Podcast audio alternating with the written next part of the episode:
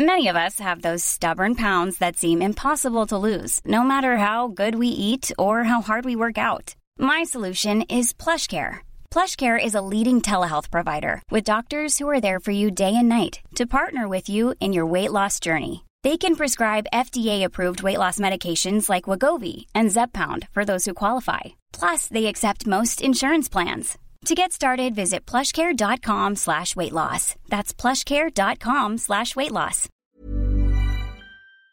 Give it up, gonna be alright.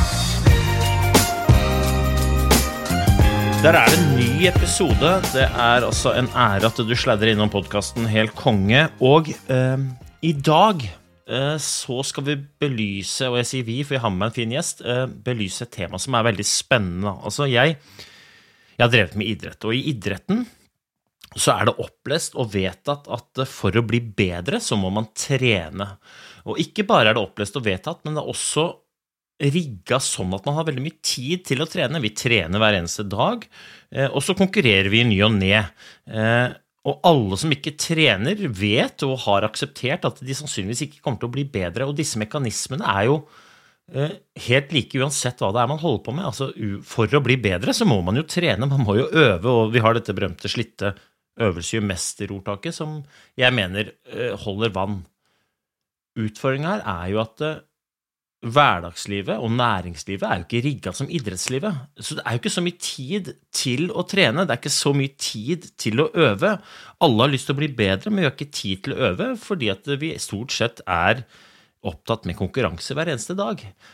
Og dette syns jeg er spennende, og dette er det som dagens gjest skal være med å, å belyse. Da. Og bare for å ha sagt det med en eneste gang, dette er ikke noe podkast hvor vi kommer med fasiten. I hvert fall ikke min, for min egen del. Jeg har ingen fasit på dette. Jeg syns dette er veldig spennende.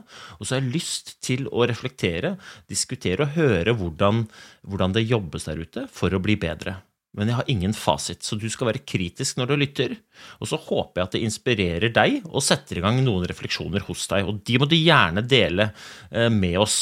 Eh, Dagens gjest han heter Hans eh, Ragnar Berg, og det er, ikke, det, det er å ljuge å si at det er en mann jeg kjenner veldig godt. Men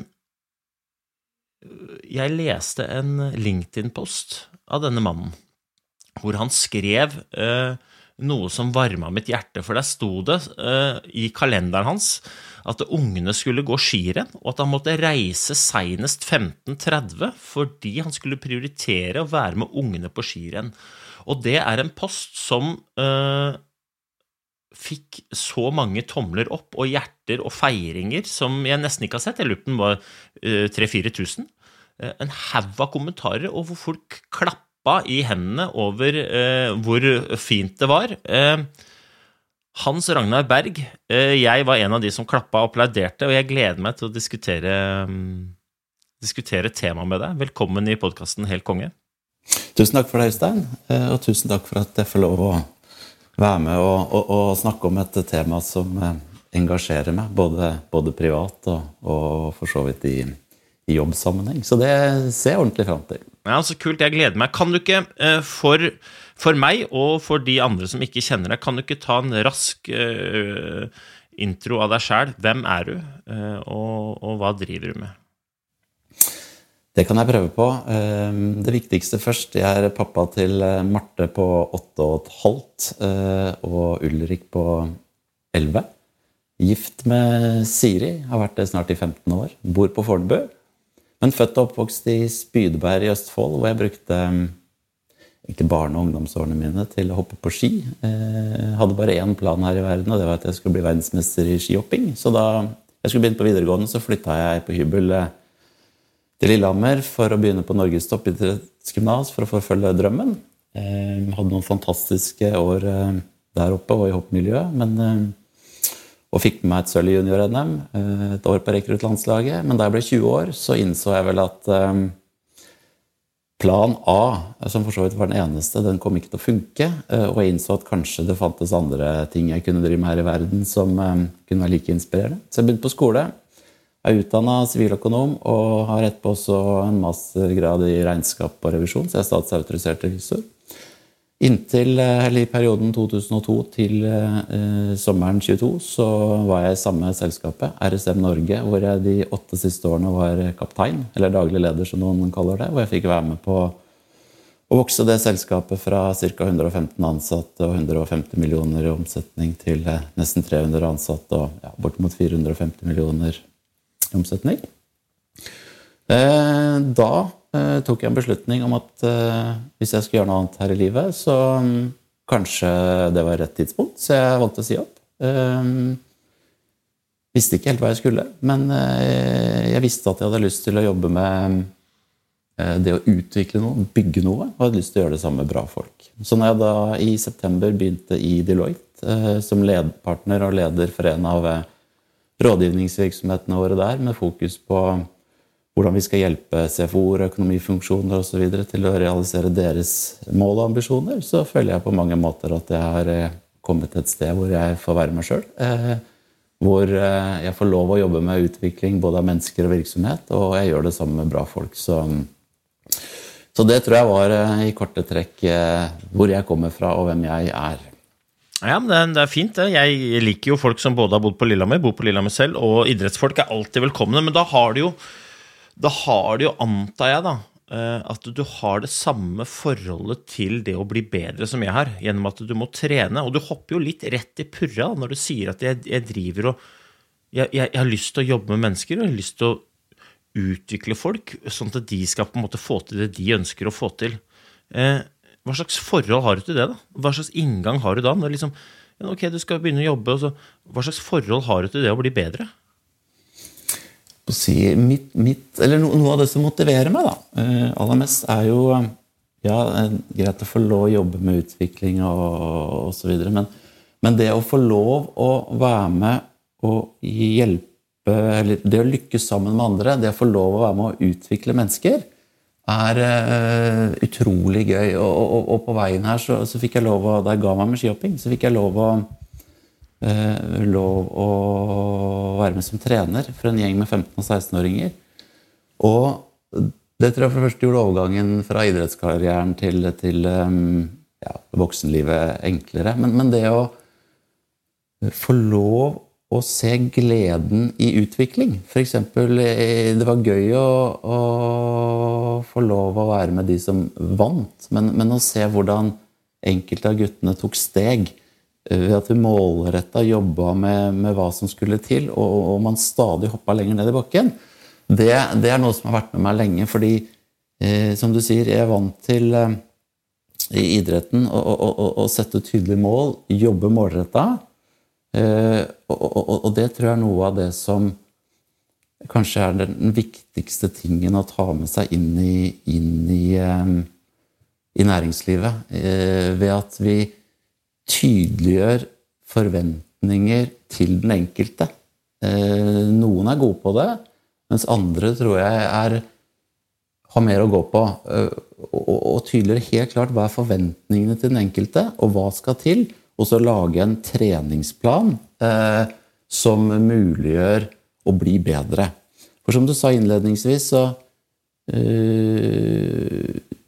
Man kan godt si at vi i næringslivet har få treningsdager og mange konkurransedager, men, jeg tror noe av clouet er at vi tør å bruke konkurransedagene, hvis vi kaller arbeidsdagene som konkurransedager, som treningsbaner. Eh, og for å lykkes med det, så er det et par ting som, som jeg tror er helt essensielt, og som jeg tror eh, idretten eh, gjennomgående er bedre på enn andre. Og Det ene er jo det med å tydeligere roller og forventninger. Men det andre er dette med tilbakemeldinger. Jeg opplevde da jeg, i, i, næringslivet så, så, så, lager man ofte en plan for når man skal snakke sammen.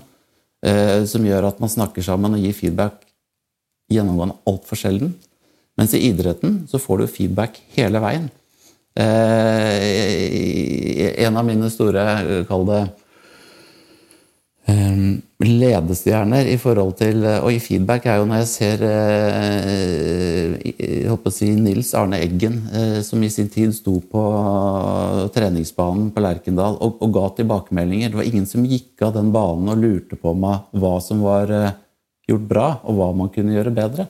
Og, og, det er en av de tingene som Hvis jeg skal gi deg én ting som jeg er mest opptatt av i hverdagen, er liksom ja, tydeliggjøre roller og forventninger, men å gi feedback. eh, Sånn at vi eh, ikke er tvil om hva det er som gjøres bra. Sånn at vi ikke blir tilfeldig gode, men at vi forsterker det som er bra. Men også at vi er helt klare på hva er det vi skal Hva må, hva må den enkelte jobbe på for å, for å prestere bedre? Ja, det, der er, det der er spennende. Det er jo uh, mange ting du tar opp der som er helt essensielt. Det ene er jo det derre der klare målbildet, eller, eller eventuelt det klare forventningsbildet. Da. Hva er det som blir forventa av meg for at jeg skal få til? Eh, og der er jeg helt enig med deg i at jeg opplever at eh, idrettsutøveren lettere kan fortelle meg forventningsavklaringa og målbildet enn den gjennomsnittlige arbeidstaker i, i, i næringslivet. Um, men jeg vet ikke om det Er det sånn det må være, eller er det bare slurv eh, kommunikasjonsmessig fra, fra næringslivets side? Jeg tror ikke det må være sånn.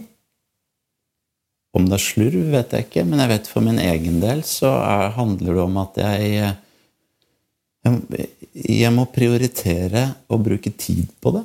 Eh, Det å lede og utvikle mennesker, det er eh, Det tar tid, og det er en jobb i seg selv. Eh, og jeg tror For å bruke meg selv som eksempel Ofte så har jeg hatt flere roller hvor jeg også skal jobbe med kunder osv. osv.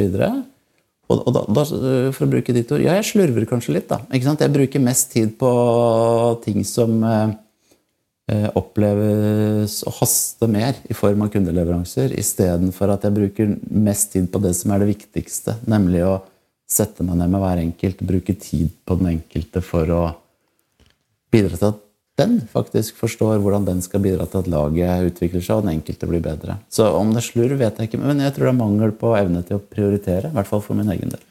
Ja, for hvis man, hvis man tar prioriteringssporet, da, så for å prioritere, så må man vite hva er det som er viktig, og hva er det som ikke er viktig. Eh, og det er jo Hva som avgjør det, er jo avhengig av hva målet er, hvor du er i forhold til det målet du skal til. Og hvis man ikke har et klart forståelse av målbildet, eller hva er det jeg skal gjøre, forventningsavklaringa rundt min oppgave, så, så blir det veldig vanskelig å prioritere også. Eh, Nå husker jeg ikke hvilken bok det er, men det er en bok jeg har lest som modell hvor liksom man skal på en måte mm, Det er en firkant eh, hvor du har da eh, fire firkanter. ene er da viktige oppgaver, men du har da ikke som ikke haster, og som haster av viktige oppgaver. Og så har du under de to boksene under så har du ikke-viktige oppgaver som haster og ikke haster. Og hvor er det vi bruker mest eh, tid og minst tid? Og da eh, mener jeg at den, den boksen hvor man bruker minst tid på, er de viktige oppgavene som ikke haster. Men det er jo kanskje de oppgavene som flytter fjell, da, og det er de man skal prioritere, men de må dessverre ofte vike for ting som haster. Og noen av de tingene som haster, de virker jo veldig viktige der og da, men er kanskje ikke viktige på lang sikt. Det blir liksom brannslokking hele tiden istedenfor å jobbe med det der eh, grunnfjellet som flytter, flytter, flytter organisasjonen. Da. Men det òg er jo en treningssak. Det er morsomt at du sier En av de, ting, de siste tingene jeg rydda bort før jeg flytta på meg holdt jeg på å si, i jobbsammenheng i sommer, var en, en nedstøva gul Post-It-lapp med fire ruter eh, som inneholdt nettopp det du beskriver. Og jeg som de fleste andre tror jeg holder på altfor mye i den rubrikken som du beskriver som eh, ikke så veldig viktig, men den haster. Og for min del så handler det om at jeg eh, ikke er god nok til å sette av tid til å jobbe med de viktige tingene. Som det, det er ikke deadline i morgen, men jeg lar meg styre alle de rundt meg. Eh, Og, og, og da kan vi diskutere om det er bra å sitte med e-post og Teams-varslinger osv. Oppi, oppi hverdagen, men klart, for min del så har jeg måttet jobbe eh, ganske målretta for å ikke la meg styre alle de henvendelser som kommer til meg i hverdagen, som selvfølgelig kommer fra noen som syns det haster, men som kanskje i det store bildet eh, Ja, det haster, men, men det er langt ifra viktig. Eh, og, for min del så er det en treningssak i seg selv eh, å lære meg til at Selv om kanskje du Øystein, syns dette haster, så mm, det er ikke viktig for meg. Eh, og, da si at Jeg hører hva du sier, jeg kommer tilbake til deg, men ikke nå. Ja, og det der er jo det der er, det, jeg, jeg pleier også å si det når jeg jobber med folk, kanskje, at vi må skille mellom aksjoner og distraksjoner. Eh, aksjoner det er ting du gjør som fører deg nærmere målet ditt. Distraksjoner det er ting du gjør som du alltid bruker tid på, og som i verste fall kan føre deg lenger unna målet. Eh, det er ikke alltid at de gjør det, men distraksjoner tar i hvert fall alltid tid. Tid du kunne ha brukt på andre ting som hadde vært mer fornuftig, altså disse aksjonene. Men for å på en måte skape et klart forhold til hva som er en distraksjon og en aksjon, så er det jo én tydelig målbilde. To, den der berømte planen. Når er det jeg setter av tid til aksjoner? Og da ikke sette de grensene slik at distraksjonen ikke kommer inn. Og i hvert fall at du oppdager at dette er en distraksjon. Eh, og så tre, da, faktisk gjøre det. Og det der er jo en, det er en vanskelig sak, eh, fordi at vi er jo ikke trent opp til å sette de grensene. ikke sant? Vi er ikke trent opp til, sånn som du på den LinkedIn-posten din, så sier sånn Må dra 15.30. Skal følge eh, ungene på karusellrenn. For veldig mange så vil det Det er ikke viktig. Uh, men hvis du definerer det som viktig, setter av tid til det, og, og kommuniserer til omverdenen 15.30 Jeg blir pappa. Så setter du grensen. Da er det veldig mye lettere å kanalisere den inngående telefonen eller den mailen som en distraksjon, og ikke bruke tid på den fordi at du er på et karusell. Men hvis du ikke hadde gjort det, så er det vel lett å være på det karusellrennet, men fortsatt jobbe. Og så er det mye lettere, tror jeg, ved å kommunisere, så er det også mye lettere å skape forståelse for uh, hvorfor det blir som det blir. Uh, og det samme tror jeg gjelder i, forhold til utgangspunktet for spørsmålet ditt. Ikke? Hvis, hvis jeg som leder skal lykkes med å hjelpe um, kollegaene mine til å utvikle seg og bli bedre, så må jeg bruke tid på det. Uh, og da må jeg være åpen om at ja, eh, det bruker jeg tid på nå. Eh, hvis ikke så lar jeg meg så lett spise opp, så sier noen men det er jo ikke noe, det er bare internt. Det kan du flytte på. I hvert fall i min verden, som jobber vi lever av og for våre kunder, men, men uten menneskene uh, Hvis vi ikke lykkes med å utvikle og ta vare på menneskene, så er det min primære oppgave. Uh, og, og, det er så lett at vi ikke får nok forståelse for om vi ikke snakker høyt og tydelig om viktigheten av det. For da tenker man det kan du bare gjøre en annen gang. Vi kan skyve på det. ikke sant? og det ikke møte menneskene med, med nok tid. Men, men når man da, sånn som du da, går inn i en Eh, en rolle som leder, og din rolle er jo å få de folka du jobber med, til å prestere så godt at resultatene deres blir gode. Det er, måte, det er, jo det som er greia. Selvfølgelig skal du ta vare på folka, men dere lever jo av resultatene dere skaper. Men slags, måte, hvordan er det du jobber med å få de til å forstå at vi må trene, og at hver eneste dag er en treningsøkt, selv om det er en konkurranse? Og hvordan, det, måte, hvordan angriper du en sånn type setting? Har, har, du den type prat, liksom? Ok, vi vi må være bevisst på de tingene vi gjør. Vi må evaluere årsakene til at det går som det går. på en måte eh, Går det så, så konkret til verks, eller er det mer lodne lodden i kommunikasjonen rundt det? Eh, hvis du spør du andre rundt meg, så får du sikkert det herlige svaret. Men hvis du spør hvordan jeg tenker å jobbe med det, så, kan jeg prøve å, å, å, å si noe rundt det. Som sa innledningsvis, øvelse gjør mester. Eh, det er en av mine eh, si, ting som går igjen i veldig mange sammenhenger. Eh, og som jeg sier til barna mine, som jeg sier til kollegaene mine, hvis det er noe du har lyst til å bli god på, eh, så må du øve. Eh, og er mye mer opptatt av viktigheten av å øve på det vi ønsker å bli gode på, snarere enn en, en det å hva resultatene blir. Og så er jeg ikke sånn at jeg ikke er opptatt av resultatene. Det er jo helt feil. Men, men, men jeg tror på alle livets arenaer. Hvis vi trener målretta, så øker vi sannsynligheten for at uh, resultatene blir gode. På hjemmebane til barna mine så spør jeg konsekvent derfor om når det kommer fra, fra, trening, hvor de var mest opptatt av å fortelle meg hvor mange mål de scora, eller hvor, de, hvor, fort de løp osv. Så, videre. så jeg har lært meg til min måte å gjøre det på, er i hvert fall å spørre om de hadde det gøy. Og det tror jeg er fellesnevneren også inn i næringslivet. Eh, fordi eh, veldig ofte så La oss si at vi har eh, pitcha på et, et, et, tilbud. Så er vi mest fort vekk rett i det. Vant vi det, eller vant vi det ikke? Hvis vi vant anbudet, så er det bra. Hvis vi tapte det, så er det dårlig. Men så det vi ikke bruker noen tid på, er jo prestasjonene som ble, ble, ble lagt uh, til grunn uh, Eller som presterte underveis. Og det kan godt hende vi vinner eh, anbud hvor vi egentlig gjorde en dårlig prestasjon, men hvor de andre rundt oss var enda dårligere, og, og omvendt.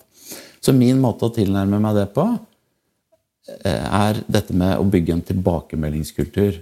Det å bruke hver dag eh, som en treningsbane, hvor alle i sine individuelle planer skal vite hva er deres rolle, hva skal de trene på, og hvordan skal de bidra til laget. Og da er dette med treningsbaner og tilbakemeldingskultur, tror jeg, i min bok i hvert fall, det aller, aller viktigste. Eh, Jeg må bidra som leder til at tilbakemeldinger ikke blir så stort og vanskelig at vi bare gjør det en gang i kvartalet eller en gang i halvåret, men at vi gjør det hele veien. Jeg bruker å si vi skal aldri gå fra et møte eller gå fra et sted hvor vi har jobba med noe sammen med, med mennesker, uten å gi en feedback eh, på det var bra. Og så er ikke bra noen god feedback, men det var bra fordi du var så tydelig i måten du formulerte, eller osv., osv.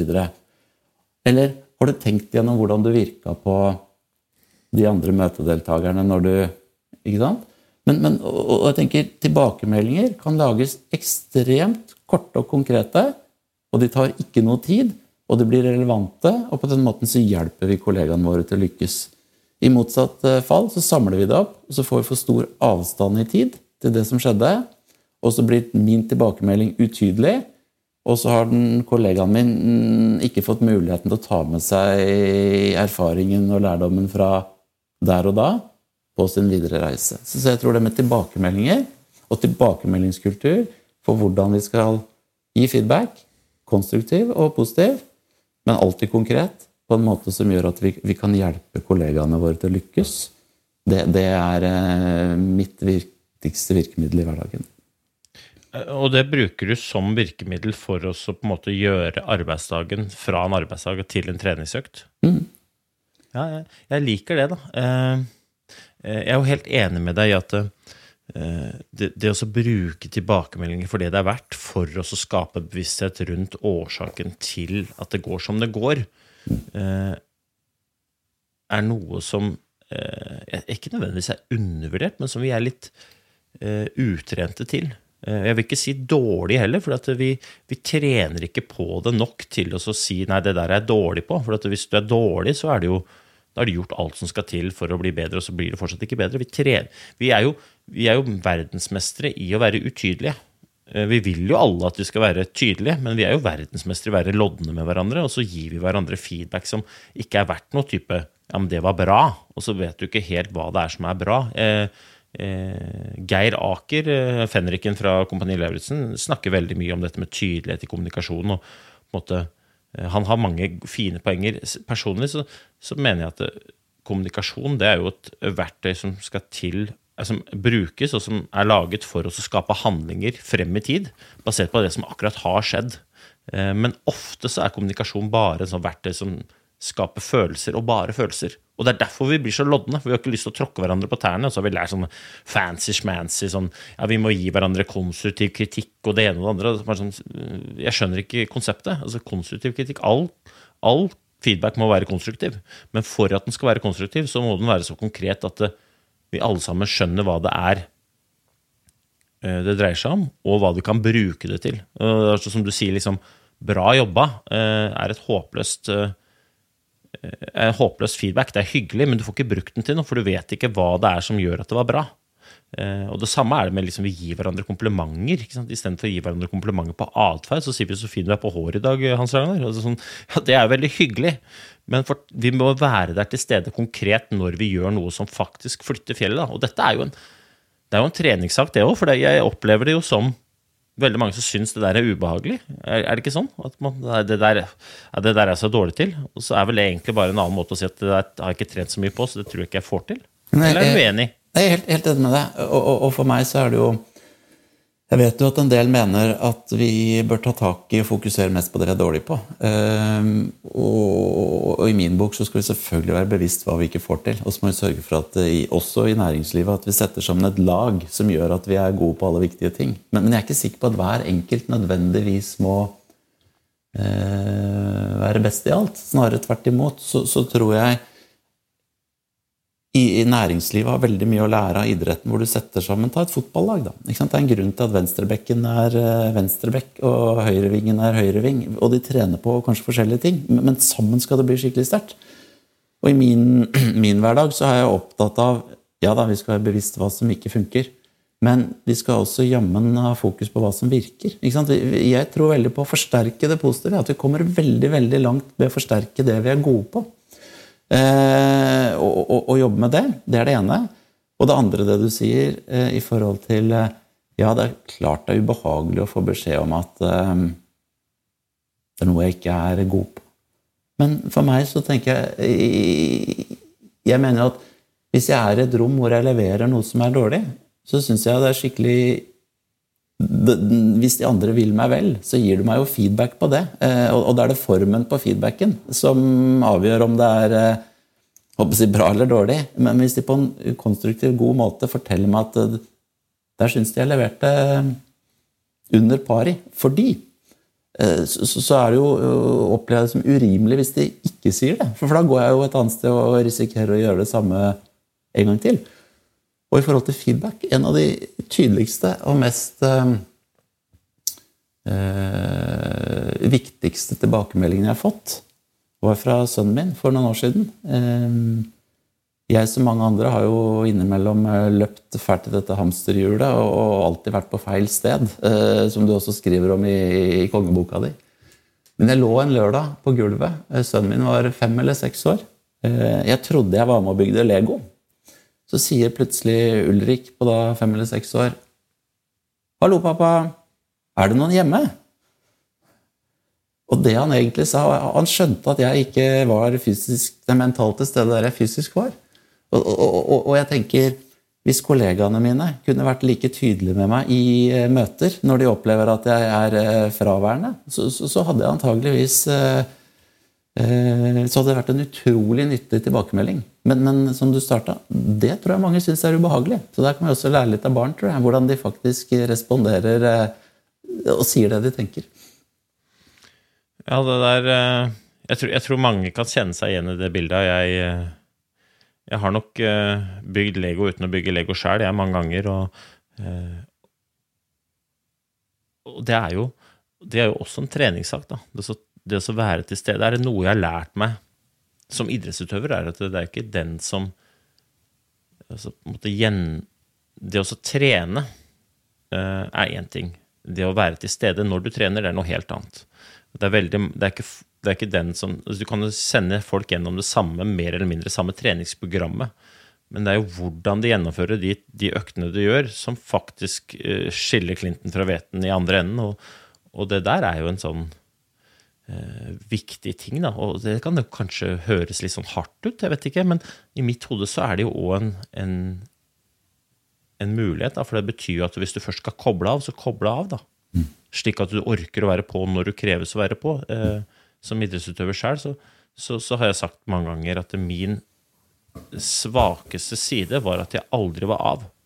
Og det gjorde at når verdens beste var skikkelig på, så virka jeg litt av.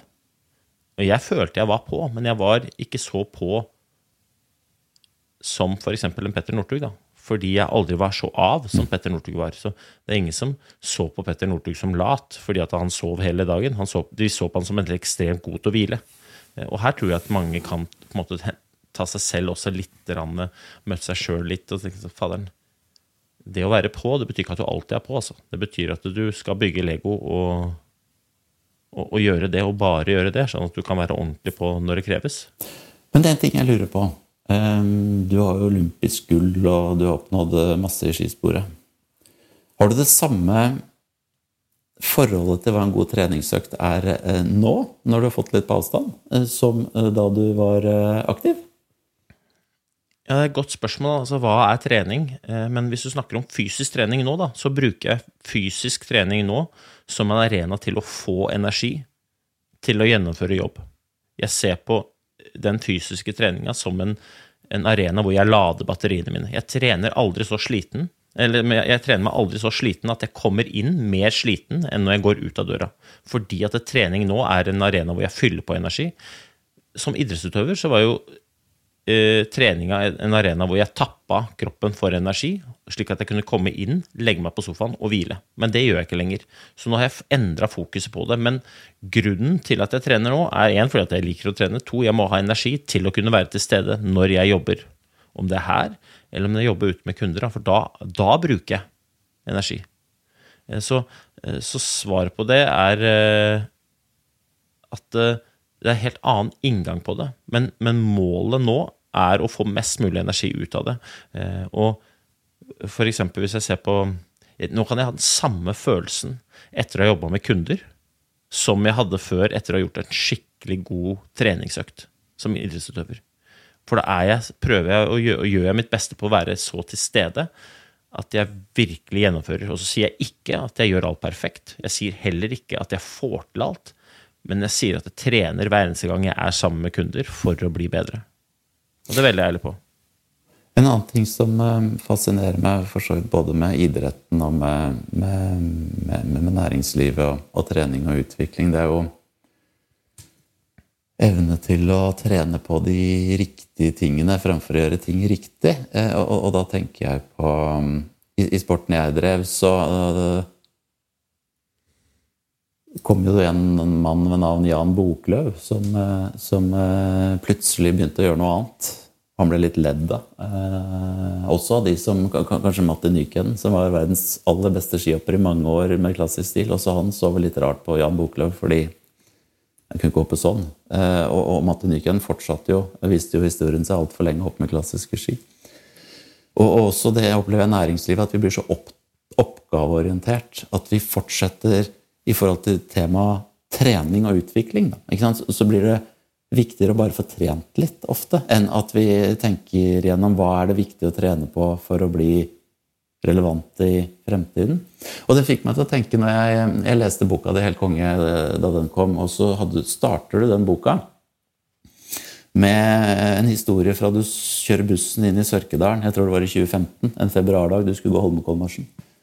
Og så forteller du om eh, alle de som alltid hadde eh, fortalt at det gikk ikke an å gå Holmenkollmarsjen med noe annet enn festesmørning under eh, skia. Fordi Og så videre og så videre. Og så, snakker du om hvordan man hvordan man eh, lager eh, sannheter basert på historien, men hvor du da hadde funnet ut og fokusert på hva skulle til for å gå, eh, hvis jeg ikke husker feil, Holmenkollmarsjen enda raskere, men da uten festesmøring under skia. Og hvordan du utnytter mulighetene i det til å gå fort når det er letterreng, og henge når det er bratt mote og så kjører du fra ned i mål. For meg så står det et, som et eksempel på uh, hvordan vi bør tenke utvikling. ikke sant? Fordi Istedenfor å prøve å kopiere de som er best, så, så, prøver man å tenke hva skal til for å bli enda bedre. Og, og det å våge å gjøre ting annerledes, uh, det tror jeg er uh, til stor For meg er det inspirasjon i hverdagen. Og det, og det, å forsøke å tenke hva bør vi være gode på i fremtiden for å, for å bli ja, jeg håper å si prestere best mulig på veien videre. Da. Ser du noen eh, du, du, jobber jo masse med næringslivet, og du har bakgrunn fra idretten. Og, og, så, og så, for meg så er det jo et utrolig godt eksempel når, liksom, når du våger å reise opp i Sørkedalen uten uh, smøring under skia. Én, hva fikk deg til å gjøre det? Og, og to, ser du noen overføringsverdi i, til si, næringslivet For at den holdningen med å våge, å våge å tenke utvikling og gjøre ting annerledes?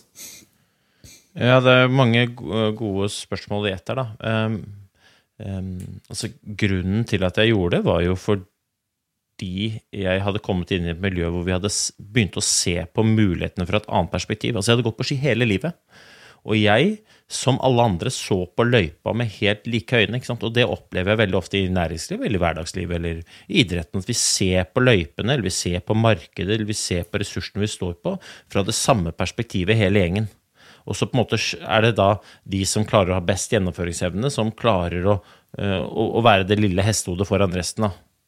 Eh, og jeg har jo aldri vært verdens beste skiløper, men når jeg turte å ta et skritt til venstre, turte å ta et skritt tilbake, turte å se på mulighetene fra et annet perspektiv enn det som jeg alltid har gjort nå, ikke var så innmari farga av den historien, så åpna det seg plutselig helt nye muligheter. Begynner å se på, eh, se, på, se på løypene, se på mine egne eh, forutsetninger, se på mine egne måte, sterke sider fra et annet perspektiv enn det alle andre så på jeg, jeg, er trent og opplært til, og det er veldig mye bra med det. på en måte, Dette er dine sterke sider, dette er dine svake sider. Ok, eh, vi må skjule dine svake sider, vi må forsterke dine sterke sider. Altså, men plutselig kunne jeg se det fra en helt annen tue, en tue som ingen andre opplevde jeg hadde sett det før. Og jeg turte å angripe det eh, og trene på det, sånn at jeg var ganske trygg på at jeg i hvert fall kom til å prestere godt. Så ble jeg plutselig veldig mye bedre enn resten. Altså det, den, den, sesongen der sånn, så Dette var jo et par uker før VM i Falun. Og eh, var, jeg var ikke i noen VM-diskusjon, altså. Langt derifra. Jeg hadde bare gått uh, turen, eh, dog profesjonelle turen, men likevel, jeg gikk bare turen. Men den dagen så slo jeg jo verdens beste skiløpere. Eh, og det bare beviser hvordan måtte, det å tørre å utfordre det etablerte kan føre til stor utvikling. Jeg sier ikke at det annerledes alltid er bedre, men jeg er veldig tydelig på at det bedre på en eller annen måte alltid er annerledes. Og hvis man klarer å akseptere det faktumet, at bedre alltid er litt annerledes, på et eller annet nivå, så legger det enorme muligheter, men det legger også føringer for at du må stoppe opp og utfordre det etablert som vi alltid holder på med. Eh, og, og der Eh, ikke, bare, ikke fordi at næringslivet er dårlig på det, eller hverdagslivet, men, men det opplever jeg som, som veldig stor som brobygger. Da. Det jobber jeg mye med. Få folk til å stoppe opp. Fader, du er kjempegod. Er det mulig at vi kan gjøre ting annerledes? Fordi det vi vet, er jo at eh, alle, alle, bransjer, alle markeder, alle alt, eh, står i veldig mye endringer. Og disse endringene noen av de er jo skapt fordi at noen går til krig, eller kineserne griller flaggermus, eller en eller andre. Men andre endringer er jo skapt av noen som har turt å ta det skrittet ut. Og gjøre noe litt annerledes. Og når de lanserer sin måte å gjøre ting på, eller sitt produkt, eller sitt tankegods, så opplever resten som endring. Akkurat som den dagen når jeg stelte meg på start, vant det rennet på blanke ski. Dagen etter så så alle den løypa med andre øyne. Løypa var den samme, men vi så løypa med andre øyne. Eh, vi kan bruke Klæbo som eksempel. Eh, Klæbo kommer med Klæbo-stilen. Plutselig så, så vi mulighetene i diagonalgang helt annerledes enn vi alltid hadde gjort. Fordi han hadde turt å gjøre noe litt annerledes enn det resten av oss gjorde. Og Det var ikke noe store greier, men det var annerledes, og det var beviselig veldig mye bedre. Og det syns jeg er spennende. Men dette er jo òg en treningssak, for vi er jo Det er som du, du, du toucha litt innpå det. da. Vi, vi, har en tendens til å gjøre ting sånn som vi gjorde i går. Vi er litt sånn vanestyrt, og vaner er jo veldig bra, men det er òg veldig begrensende når det kommer til å drive med utvikling og trene på nye ferdigheter. For det å drive med utvikling, eller å trene på nye ferdigheter, betyr jo i praksis gjøre ting litt annerledes enn i går. Prøve å bli litt bedre. Og da må man liksom utenfor den berømte komfortsona litt. da. Jeg vet ikke hvordan du hvordan jobber dere med det i næringslivet? liksom? Det å stoppe opp og tørre å utfordre det etablerte? Det er kjempespennende. Og jeg tror jo det å våge å endre seg mens vi fortsatt virker, er noe jeg har sagt i en del sammenheng, eh, sammenhenger. Og, og, og, det går jo på dette her Fordi vi har så lett til å si at det er alltid Det intuitive svaret, i hvert fall i mange av de miljøene jeg har ferdes i, på spørsmålet hvordan skal vi gjøre dette, så er svaret ofte kan du ikke se på hvordan vi gjorde det forrige gang. F.eks. For hvis vi skal i et kundemøte. Eh, så tenker vi da må vi lage en presentasjon, for det er sikkert forventningen om at vi skal lage en presentasjon. Og så bruker vi kanskje fokuset vårt på å få lagd en presentasjon, istedenfor de gangene vi har våga å tenke kunden, hvorfor har kunden spurt at vi spurt, invitert oss? Og heller bruke tiden på å, å, å dykke i det. Eh, finne noen relevante spørsmål, og kanskje til og med eh, gjøre den galskapen å komme i dette potensielle kundemøtet uten noen eh, fancy powerpoint-dekk. Vi kan godt ha det i tillegg, men, men faktisk å snu det rundt. Det, det, det, er en, det å våge å ta de valgene De kan kjennes store, og for andre utenfor så kan de jo fremstå som, som lite. Min, no, no, noe av det jeg tror er eh, det viktigste for å få det til, er jo at jeg som leder tør å involvere hele tiden de unge talentene som har et annet syn. Så er det sikkert flere måter å gjøre det på, men, men, men jeg tror jo det, å, det er et lederansvar å våge å slippe til unge mennesker. Og ikke bare slippe det til, men faktisk aktivt lytte og la de få lov å utvikle seg. For hvis, hvis jeg spør noen av de etablerte som jeg kjenner godt, så vet jeg med stor sannsynlighet hva de svarer. Og det er jo et svar som er veldig bekvemt å få. Eh, for da, som vi var innom i stad, det, det, skaper ikke noe ubehag. Og så skaper det sikkert en prestasjon som er i hvert fall på linje med det vi har klart før. Men, eh, men jeg har eh, med stort hell, vil jeg si sjøl, for noen år siden så, så lagde vi et omvendt mentoringprogram som, som handla om at vi at jeg fikk en mentor som hadde jobba et par-tre år hos oss bare. Eh, som jeg diskuterte egentlig tre hovedting med. Det ene var kunder og marked. Det andre var utvikling av mennesker. Hva, hva, hva, ønsker de yngre generasjonene? Hva skal til for at de skal være attraktive i fremtiden? Og også hvordan skal vi jobbe for å ta i bruk fornuftige teknologiske hjelpemidler til, til å bli mer relevante. Og En forutsetning for å lykkes med det tror jeg er å slippe det ordentlig inn. Men, men, men eh, til gjengjeld da så får du jo så masse tilbake. Og, og, og, du får svar og forslag til løsninger som uh, i hvert fall ikke jeg hadde tenkt på før. Og det tror jeg er en utrolig eh, viktig måte for å skape nødvendig utvikling. Fordi det utvikler oss som virksomhet ved at vi slipper til andre med et annet syn på ting. Eh, samtidig så skaper det enormt gode treningsbaner for de yngre som faktisk eh, blir tatt på alvor. Og de forstår at de kan være med å gjøre en forskjell. Og, og, og så er det jo ikke sånn at man bare skal lytte til de unge. Men, men, det å lytte til Det er et eksempel på hvordan jeg tror på at vi, det å involvere ulike mennesker i ulike livsfaser med ulik kunnskap og ulik bakgrunn eh, og, og, la uh, ulike grupper få, få, en saying og faktisk en reell påvirkning på veien videre, det tror jeg er kanskje en av de viktigste kildene til, til utvikling. Ved at vi faktisk uh, sørger for at vi kanskje går en annen vei uh, neste gang enn vi gjorde forrige gang, når vi kommer til tilsvarende spørsmål. Utrolig fascinerende eksempel, for det, det, det, du, pirker borti der, er jo liksom eh, Veldig mange unnskylder seg selv med å si 'jeg er ny'. Jeg er bare ny her. Og da pleier jeg ofte å svare 'hvor lenge har du tenkt å være ny'? Eh, nei, det er til jeg kan alt som eh, måtte forventes at jeg eh, skal kunne, er jo ofte da svaret. Eh, og så sa men Da går du jo glipp av vanvittig mange perspektiv som de som allerede kan alt, ikke ser. Fordi at du er jo ny, du er ikke farga av det dere pleier å gjøre. Du kommer bare inn og er intuitivt nysgjerrig og er gira på å lære. Men jeg håper hvis du har med deg din kritiske sans i tillegg, så kan jo lederne dine få vanvittig mange gode spørsmål av deg. Eh, og så kan det godt hende de har gode svar på spørsmålene dine. Hvorfor gjør dere sånn? Nei, det er fordi at det er ok.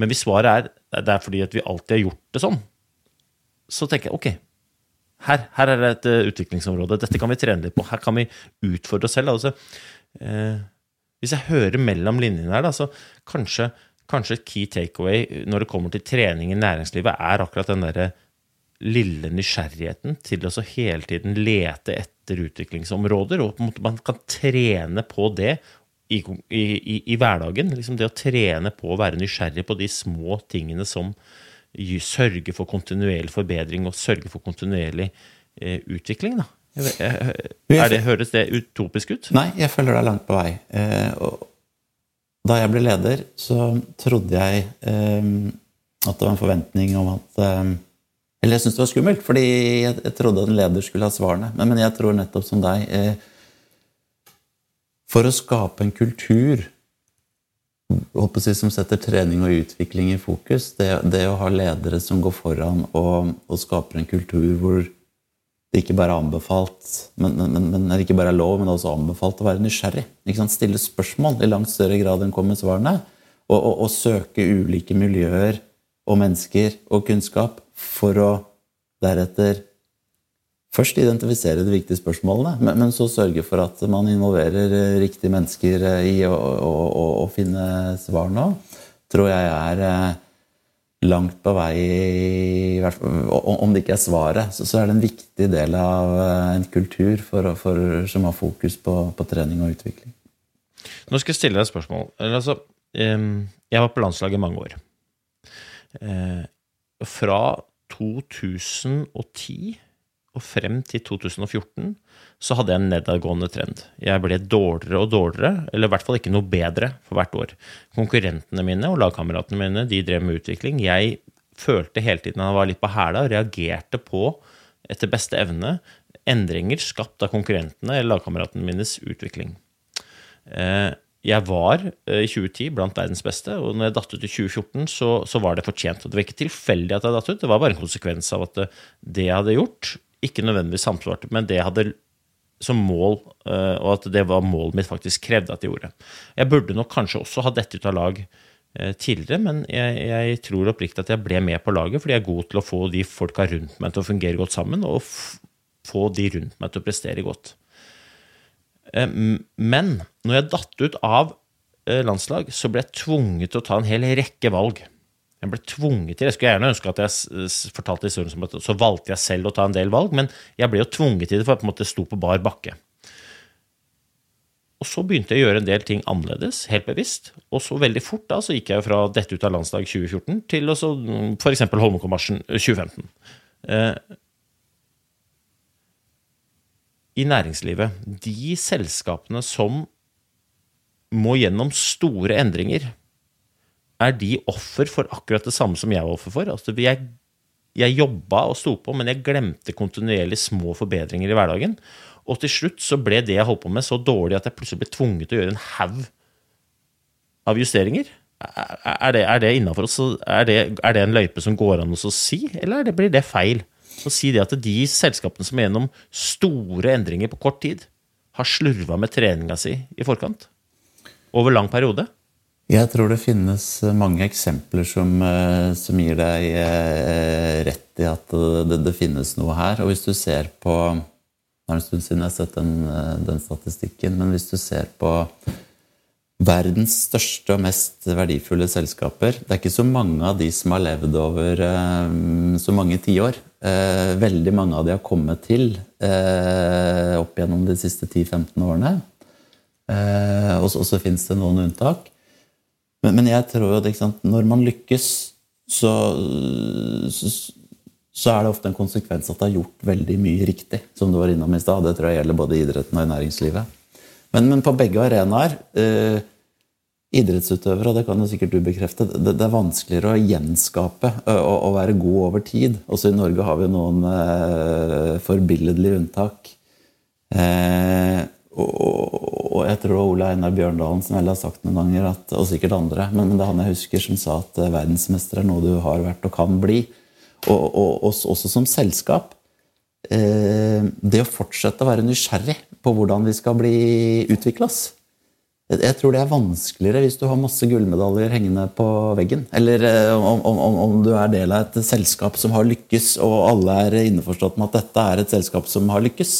Det å faktisk være ordentlig sulten på det, det tror jeg er mye mer krevende. Se for eksempel eh, Er det en tilfeldighet at eh, det var Tesla som plutselig ble eh, den som gikk foran og, og, og var driveren av utvikling av elektriske biler, og ikke en av de etablerte bilfabrikkene?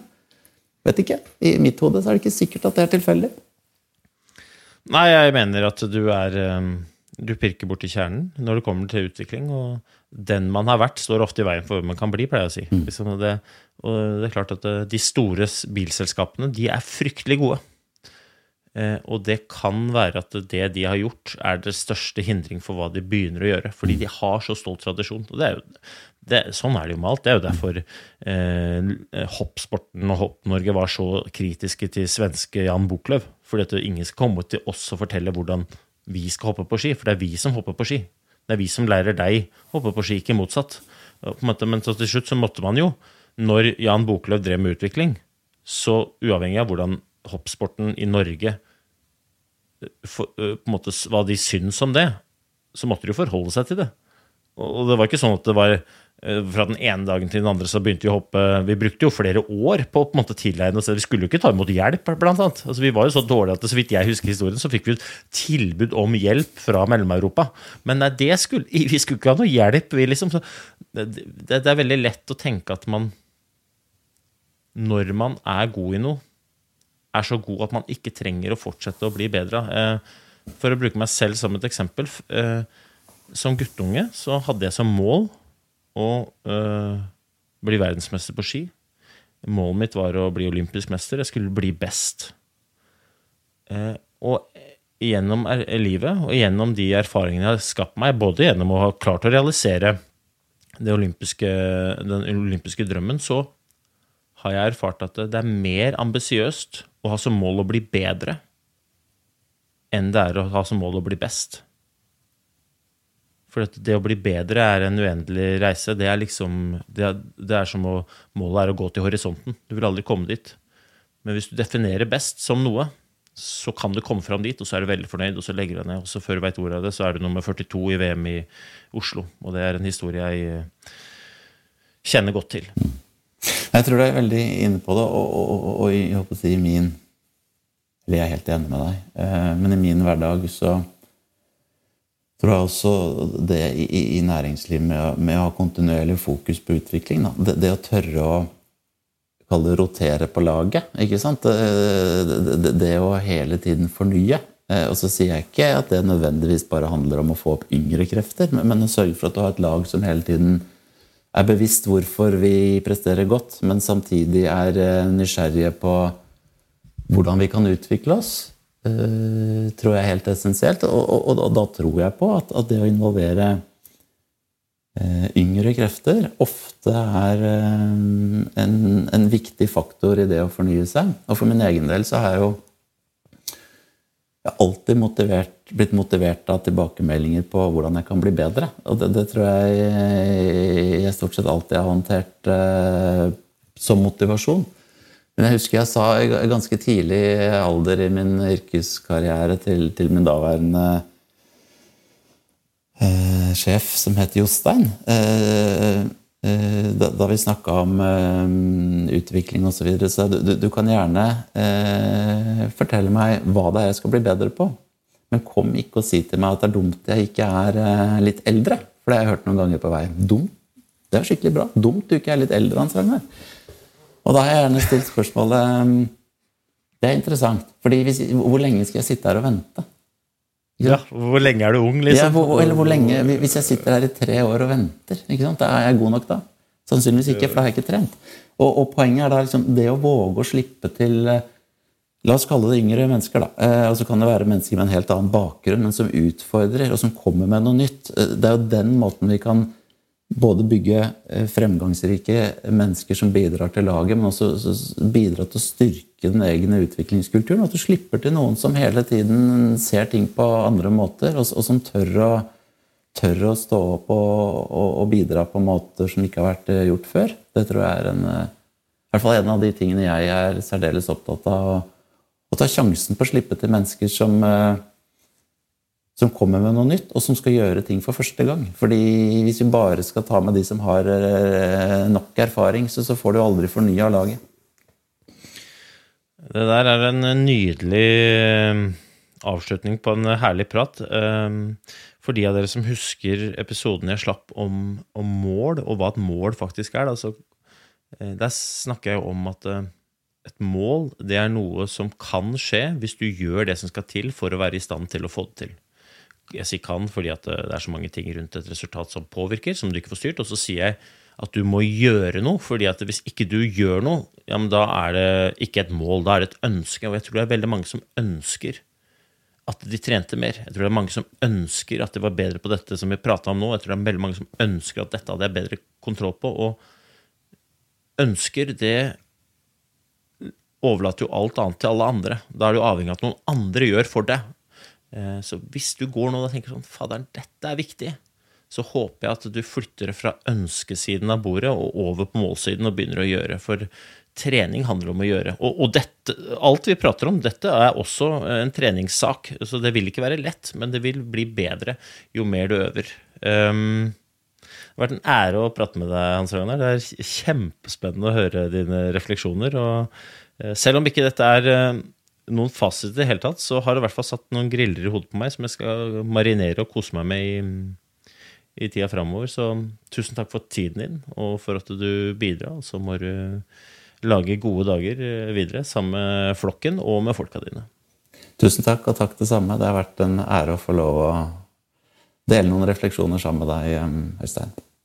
Så kult. Og hvis du som lytter eh, har lyst til å arrestere oss, eller fylle på med smarte perspektiv som vi ikke har sett eller snakka om, eller det ene eller andre, så ikke nøl da med å gi oss eh, ærlig feedback. Er det noe vi liker, så er det ærlig feedback. Så da er eh, oppfordringa herved sendt, og så mm, håper jeg at du sladrer innom podden en annen gang. Men inntil da, lag en strålende dag. Give it up, gonna be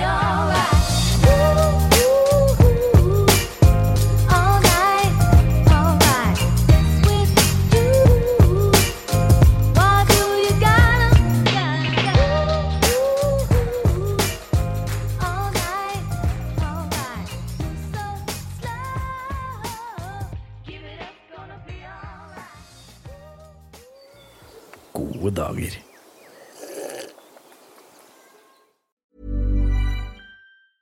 Hey, it's Paige DeSorbo from Giggly Squad. High quality fashion without the price tag. Say hello to Quince. I'm snagging high-end essentials like cozy cashmere sweaters, sleek leather jackets, fine jewelry, and so much more. With Quince being 50 to 80% less than similar brands. And they partner with factories that prioritize safe, ethical, and responsible manufacturing. I love that. Luxury quality within reach. Go to quince.com slash style to get free shipping and 365 day returns on your next order. Quince.com slash style.